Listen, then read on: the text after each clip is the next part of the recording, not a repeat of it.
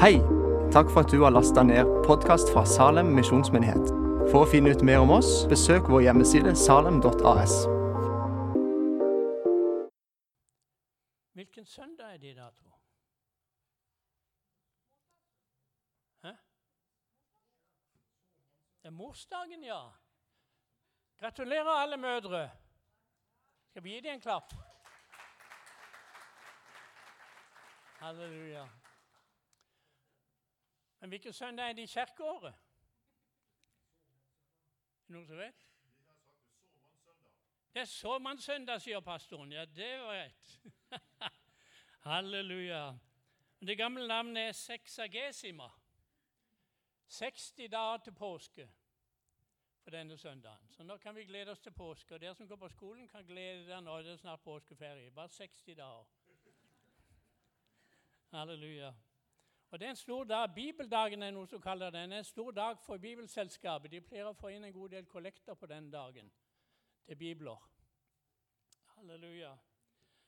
Og i Matteus Nei, om, for, om forlatelse i, i uh, Jeg er ikke nervøs, det bare skjelver alltid på den handa. Men det går greit.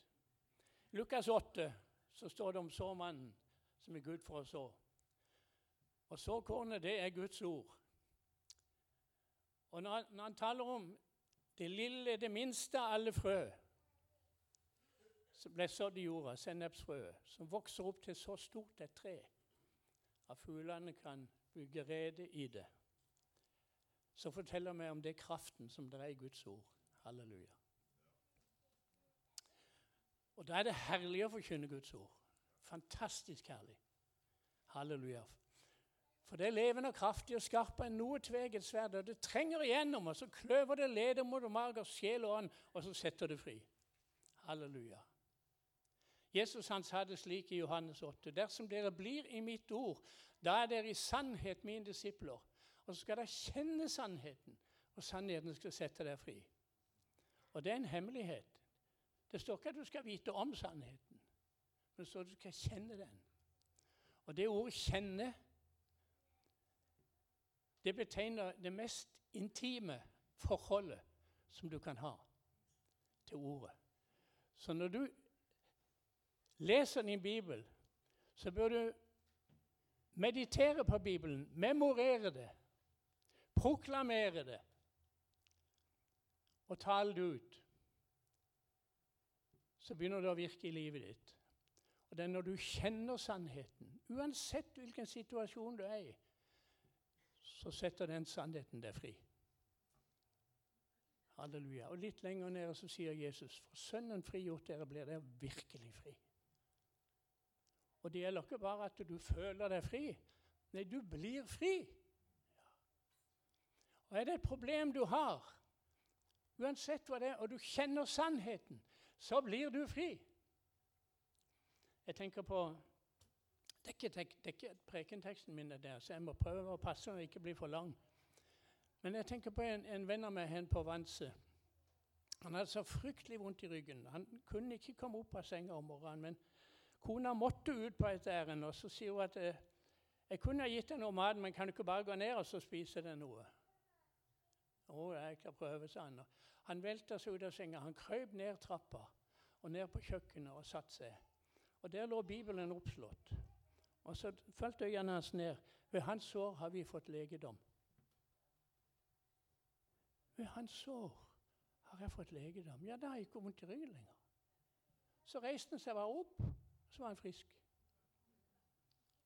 Han kjente sannheten, og sannheten satte han fri. Halleluja. Ved hans sår har vi fått legedom. Priset være Jesus. Så det så man søndag. Og det er jo herlig å være i en menighet som det er så mange som skal ut og så. Konfirmantene skal til Romania og så. De skal til India og så. Og jeg skal til Evje i kveld og så, og så i morgen tidlig reiser jeg til Romania òg for å så. Halleluja. Vi Jens Kåre vi skal ha pastorseminar der nede tirsdag og onsdag. Og så skal jeg være sammen med konfirmantene resten av tida. Jeg gleder meg virkelig. Fantastisk. Og så skal vi be sammen. Og så skal vi be for en mann som har fått kreft i magen med spredning. Får heller ikke i seg noe mat lenger. Be også om at han må bli frelst. Det er det viktigste. Når jeg leser sånn lapp som det her, så tenker jeg på hun kvinna på sykehuset i Torshavn på Færøyene som hadde fått kreft i magen. De hadde åpna opp, og legene sa at det er ikke noe vi kan gjøre, det er bare kreft.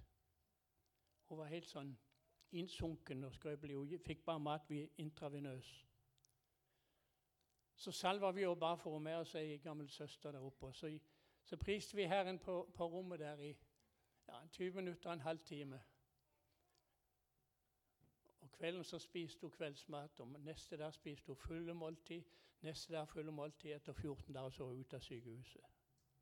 Såret var grodd, og kreften var vekk. Det er min Jesus. Amen. Det er din Jesus. Nå skal vi be for denne mannen her. Og Vi kan godt ta med det òg, Ester. Gjør det noe. Halleluja. Jeg tror vi skal reise oss, rett og slett.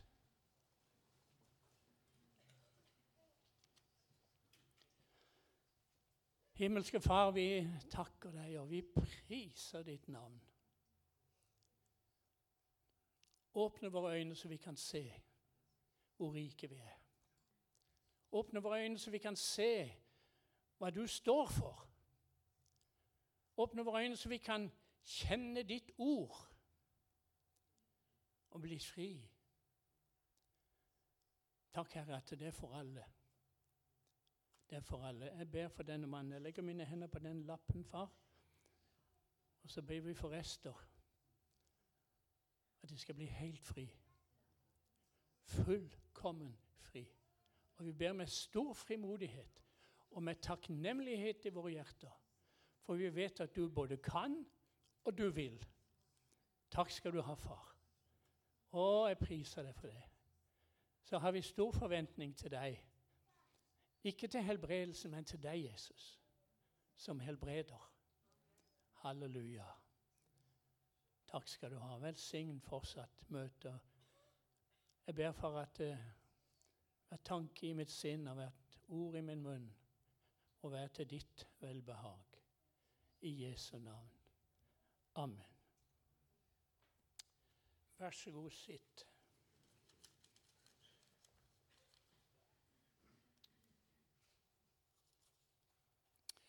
Jeg tenkte Jeg skulle si litt om, uh, om nådegaven i dag.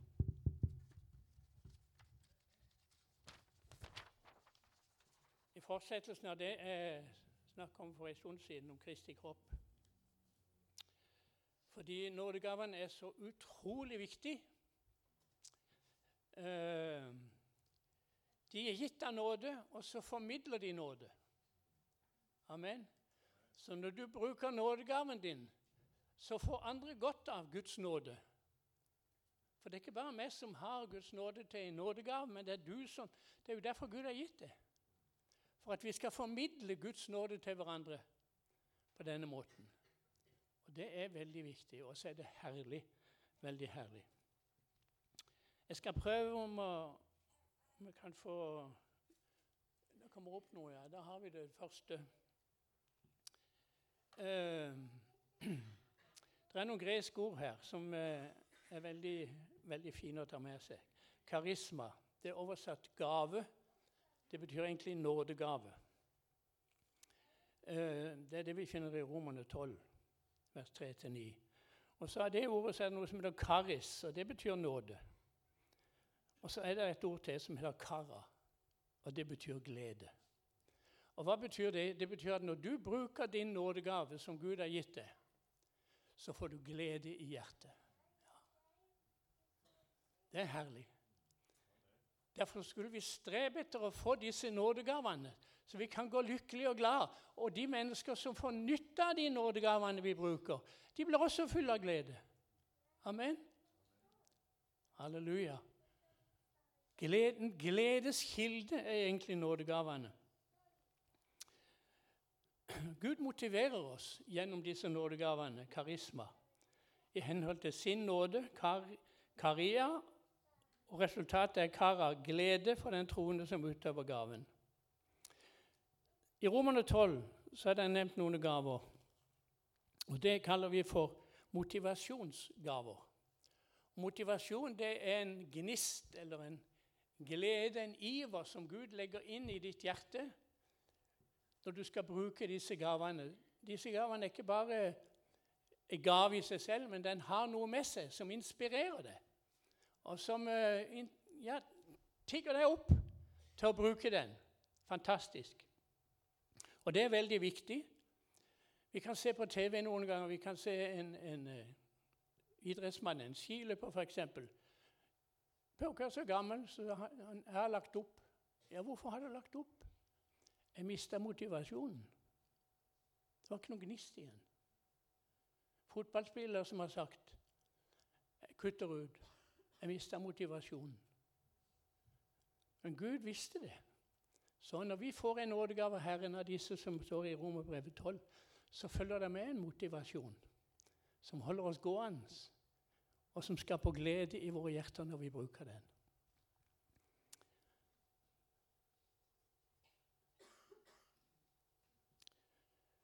Uh, kan ikke jeg se hva skal vi se. Det er forskjell på nådegaver, men ånden er den samme.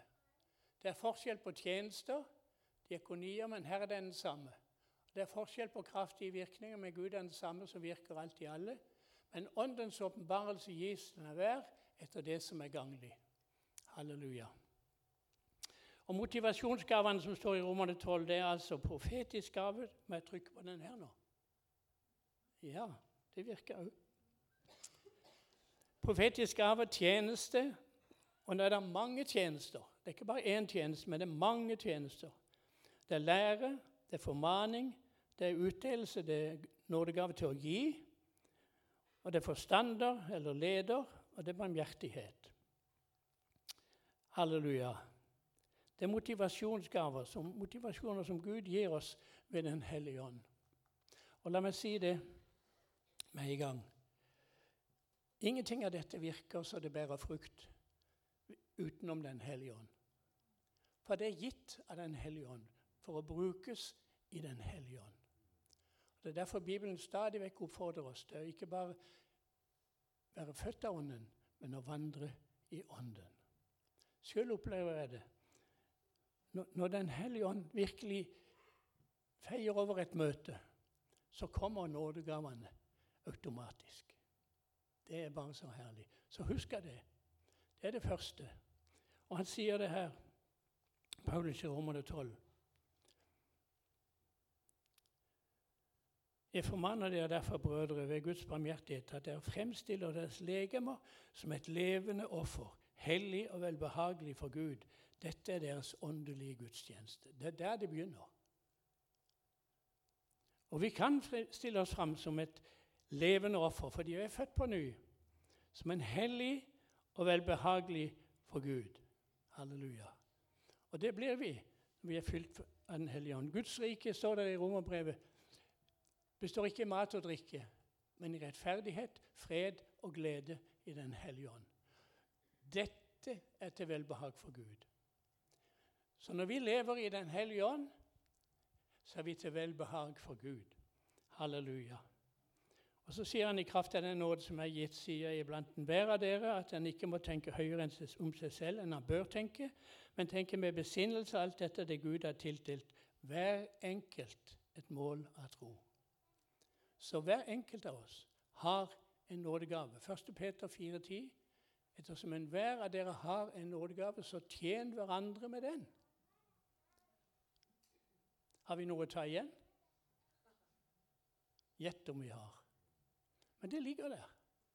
Det er for oss å ta imot det.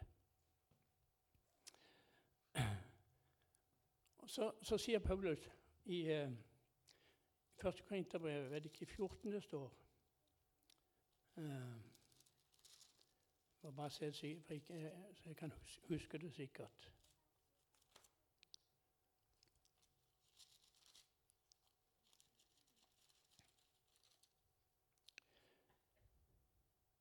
Jag etter kjærligheten og søk med iver etter de åndelige gaver, slik dere i større grad kan tale profetisk, osv. En annen plass så sier han Streb etter de åndelige gaver, men jeg vil vise dere en enda bedre vei. Og hvilken vei er det? Det er kjærligheten. Kjærligheten, slik som det står i 1. kor 13 om kjærligheten. For den søker ikke sitt eget. Så vi blir fylt av kjærlighet, fylt av Guds kjærlighet. Så kommer nådegammer på plass. Og så bruker vi de i kjærlighet. Dette er veldig viktig for den eneste av oss. Så det er det første vi søker etter. At Guds kjærlighet skal fylle mitt hjerte. Halleluja. Du vet åssen kjærligheten den, den, den søker ikke sitt eget. Den søker andres beste. Amen.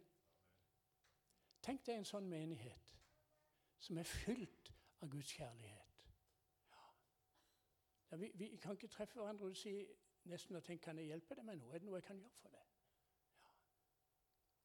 Ha omsorgen for hverandre.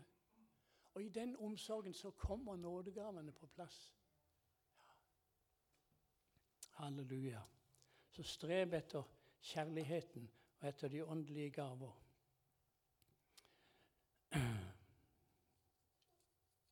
Og står det her det er forskjell på tjenester.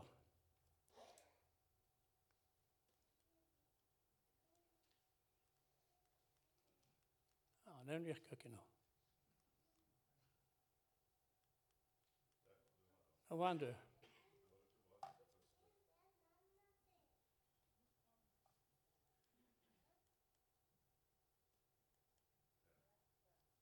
Det er forskjell på tjenester. Uh, som det står i Efeserne 4, eller første kor 12, vers 27. Og Efeserne 4, vers 7-13. Apostel, profet, evangelist, pastor, lærer, kraftige gjerninger, helbredelse, hjelpe, administrere tunger og tydning. Legg merke til her det står pastor, og så står det 'administrere'. Det er to forskjellige tjenester. Men i Salem eller i Misjonsforbundet så er det slik at det, det, er pastoren som har alt ansvar. Så det er han som har ansvar for å være pastor, det er han som har ansvar for å administrere. Og det dreper en pastor hvis ikke han har visdom til å delegere til mennesker som kan ta administrasjon. Får du noe ut av dette her? Det er forskjell på kraft La meg si det er apostel og profet. Apostelen har en del av alt dette. Han er litt av profeten, han er litt av evangelisten, han er lærer, han har kraftig gjerning og helbredelse, hjelper administrerer tunger og taler av tydning. Paulus hadde alt det her. Hvis du leser Bibelen, så ser du at Paulus han fungerte i alt dette her. Hele tida fungerte han i det. Og Det er forskjell på kraftige virkninger, men Gud er den samme som virker alt i alle. Og så har vi i første kor, vers 12, kapittel 12, visdomsord, kunnskapsord, tro, helbredelse, mirakler, profeti, prøving av ånder, tunger og tydning. Det er mange som søker kunnskapsord, visdomsord, tro, helbredelse og mirakler først av alt. Men det er feil vei å gå skal først finne den nådegave som du har, i det som står i Romerne 12. Når du finner din nådegave der, og begynner å bruke den, så har Gud gitt alle disse åndelige manifesteringene som du kan bruke for å fullføre, for å full, fullkommengjøre den tjenesten din. Det er viktig. Men det er jo herlig med, med disse som, full, som uh, fullfører tjenesten. Jeg husker henne i Ålesund en gang. Uh, ut på ei øy som heter ja, Nå husker jeg ikke navnet på men det er mange år siden. Vi hadde en Viken der. En Helligåndsviken. Og Så hadde jeg talt, og så inviterte jeg til, til forbønn. da. Og så kom det ganske mange opp. Og så skulle jeg begynne å be for dem. Og så kjente jeg bare at Den hellige, ånd kom. Første er ba for, husker jeg spesielt. Eller hendene på han, og så, så sier jeg du skal ikke være redd for å fly. Så begynte han å gråte. Så sier jeg Herren sier til meg du skal ikke være redd for å fly. Så sier han jeg er livredd for å fly. Ja, Men nå sier Jesus til deg du skal ikke være redd for å fly. For det går godt. Det er trygt og godt. Og når folk hørte det, så storma de opp. Så, så, var Gud så god. Jeg hadde visdomsord til nesten alle de der var. For Den hellige ånd var der. Halleluja. Det ble en ordentlig fest. Ja, en ordentlig fest. Og Sist jeg har talt der, så talte jeg om kunnskapsord. Hvordan Herren på mange mange måter har både helbreda mennesker. Katrin Kullmann, f.eks. Hun opererte jo bare i kunnskapsord. Det var liksom hele gudstjenesten hennes.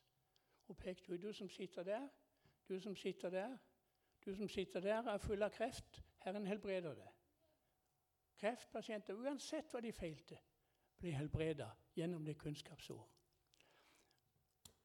Og jeg, Kanskje jeg fortalte det sist, jeg vet ikke, men jeg må fortelle det igjen. Om han Inge. Er det noen som husker det? Gamle Inge oppe i Oppdal. Han hadde så vondt i et kne. Og vi bodde der hos han, for vi hadde teltmøter oppi der. Og Så kom han ned en morgen til frokost og sier han, Wilhelm, du må be for det kneet mitt, for det, det, er, helt, det er helt umulig. Og jeg skal ut på saueleting, og jeg kan ikke gå på saueleting med det kneet. Det, det, går bare ikke. Så jeg er helt fortvila. Så sier jeg jeg skal be for det. Og vi ba for han. Morgen, middag og kveld. Morgen, middag og kveld. Morgen, middag og kveld. I fire-fem dager. Ingenting skjedde. Så hadde vi et møte i ei lita landsbykirke holdt jeg på å si, ut forbi eh, Oppdal. Og Så kommer Herren med kunnskapsord. Det var flere kunnskapsord. Blant annet så sier, og Da tenkte jeg på Inge. Jeg var, var helt, helt vekke. Så sier jeg bare Der sitter en mann med et høyre kne som er så dårlig. Sitter du henne? Bare reis deg opp, så helbreder Herren det. Ingen reaksjon. Ja, du sitter her, sier jeg, med et dårlig kne.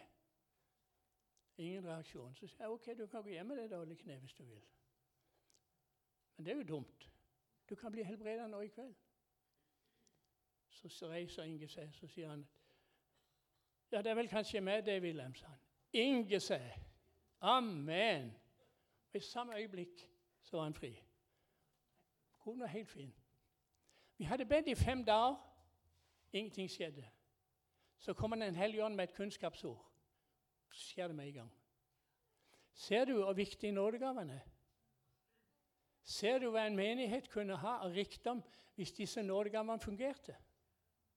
Det er helt utrolig. Helt utrolig. Og så er det veldig moro. Det er veldig moro. Ja. Inge og meg vi jubla og dansa etterpå av fryd og glede fra et godt kne. Men Den hellige ånd må være til stede. Den hellige ånd må være til stede. For da kan allting skje. Jeg husker et møte i Shalam, det har jeg også fortalt om den gangen. Det var så det var så mett av Den hellige ånd at du kunne nesten ta og føle på det. Så kom kunnskapsord med en gang. Ja, og det bare slo igjennom fortalte om hun dama som satt nede i kroken der. Så sier det sitter ei dame nede her som har smerter i magen, og du er livredd for at det skal være kreft. Men Gud vil helbrede det. Så sitter du henne. Jeg sitter her, sa hun. Og så begynte hun å gå fram, da. Så jeg, vent der. Det, det, det, er så moro. Så sier han, når du kommer fram hit og står akkurat der, så merker du at Den hellige ånd helbreder deg. Og hun kom gråtende fram og stoppa der. Å, sa Smerten forsvant. Er det ikke gøy? Og Vi må ikke være foruten dette, her, venner. Vi må ha alt det vi kan få av Kristi uransakelige rikdom. Vi må ta det til oss. Ja, må ta det til oss. Jeg lå bare i natt. Jeg våkna gjennom natta. Eh, noen ganger våkner jeg bare, noen ganger er det Herren som vekker meg. En gang så så vekker Herren med oss. Så lå jeg og ba, og ba for Salem, ba for menigheten, ba for situasjonen i Salem. Og så plutselig så toppa det inn et ord. Knuste hjerter. Det var helt uten sammenheng. Knuste hjerter. Amen. Det er det som må til for oss alle sammen. Hvis Gud skal få gjort noe. Den hellige ånd skal operere, hvis Den hellige ånd skal virke i livene våre, så må det være knuste hjerter. I profeten så sier han i det høye og hellige bor jeg. Hos den som er sønderknust og nedbøyd i ånden, for å gjøre de sønderknuste hjerter levende. Jeg sa, 'Jesus, knus mitt hjerte. Knus mitt hjerte.' Det er ingenting av dette som er min sak. Det er Herrens sak. Ja. Halleluja. Knuste hjerter, venner. Det må vi ha. Så vil vi oppleve helbredelse og tegn og under. Det var derfor Jesus sa til disiplene, som vi leser om i, i apostelgjerningene Han sa at eh, de måtte ikke gå ut av Jerusalem, de måtte være i Jerusalem til de ble døpt i Den hellige ånd. Der skal døpes med Den hellige ånd ikke mange dager heretter, sier han. Og så må de vente i byen. For de hadde ikke den kraften, vet du. De hadde ikke nådegaven i bruk. Og så venta de på den øvre sal, og så kom Den hellige ånd som et uvær. Og så står det at ble alle fylt med Den hellige ånd, og så begynte nådegaven med en gang. De begynte å tale på et annet språk som ikke de kjente fra før. Og det var ikke bare sånn alabalalaba. Det var et språk. Så alle som var der i Jerusalem, de hørte evangeliet på sitt eget språk. Ja. Halleluja. Jeg hadde en venn av meg som Han var fra Nairobi, Nairobi tror jeg. Han var afrikaner iallfall. Jobba i Youth Mission i England. Han var i Spania og så hadde noen møter. Og Så kom det et ektepar til han etter det møtet han hadde hatt. og Så, så, så gråt han og så sier du, du må hjelpe oss. Vi har store problemer i ekteskapet. Ja, sier han, det, det er greit, det. Kan vi ikke møtes klokka tre på det og det rom? Jo, det var greit.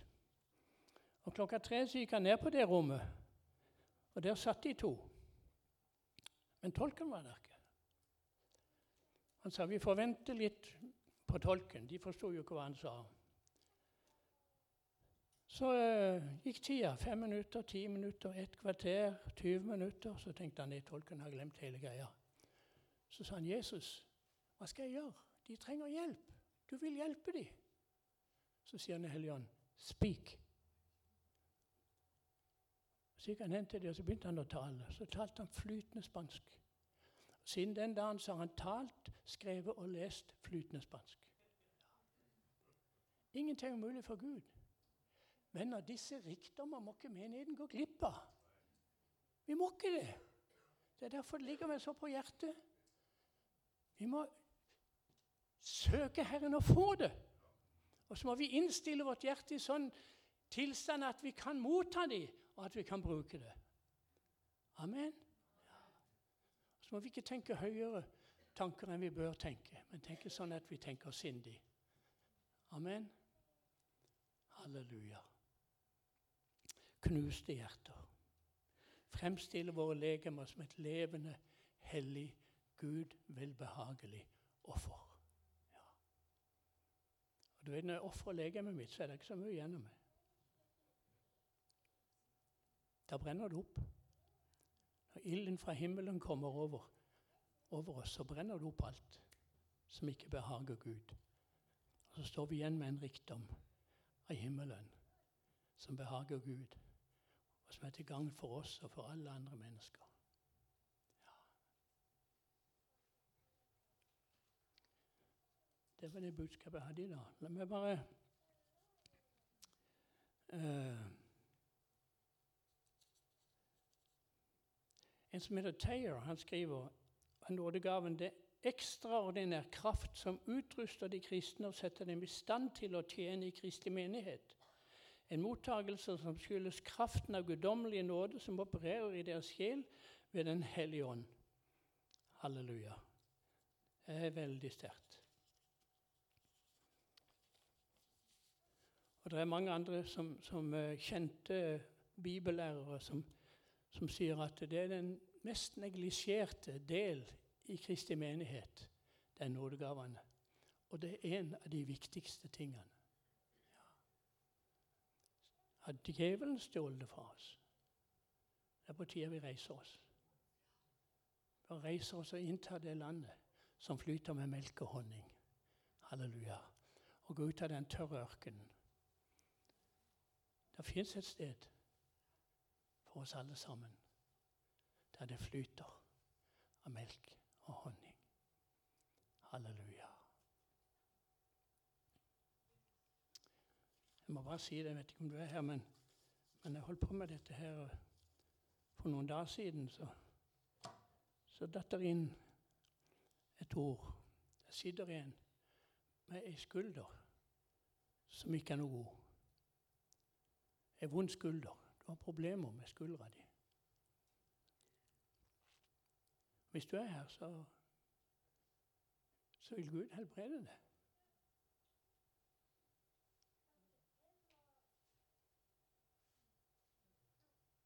Helge, halleluja, bare rett opp armen din. Helt opp. Helt opp. Nå kommer han helt opp. I Jesu navn. Takk, far. Du helbreder skuldra til Helge, så han reiser til India med ei god skulder. I Jesu Kristi navn. Takk skal du ha. Halleluja. Amen. Det er Guds business. Amen. Det, er jo hans oppgave, det er hans måte å gjøre det på. Det. Han elsker det. Halleluja. Amen. Jeg håper ikke jeg trøtta deg ut nå. Jeg sa til Herren jeg vet ikke om jeg kan tale om disse gammel, for det kan gjerne bli for tørt. Jeg liker når det er brann og fyr. Men eh, det er like viktig for det. Amen. Og Så takker vi deg, far, for helbredelse for disse to, denne mannen og for Ester. Vi bare priser deg, Jesus. For den helbredelsen fikk de for 2000 år siden. Ved din sår har vi fått legedom. Halleluja. Og vi bare ber at den daler ned over disse to menneskene, far, i Jesu navn. Og så må du velsigne Anton også, far. Han hadde ikke så mye bedre enn Ester. Men vi bare løfter han opp til deg, far. Og alle barna, i Jesu navn.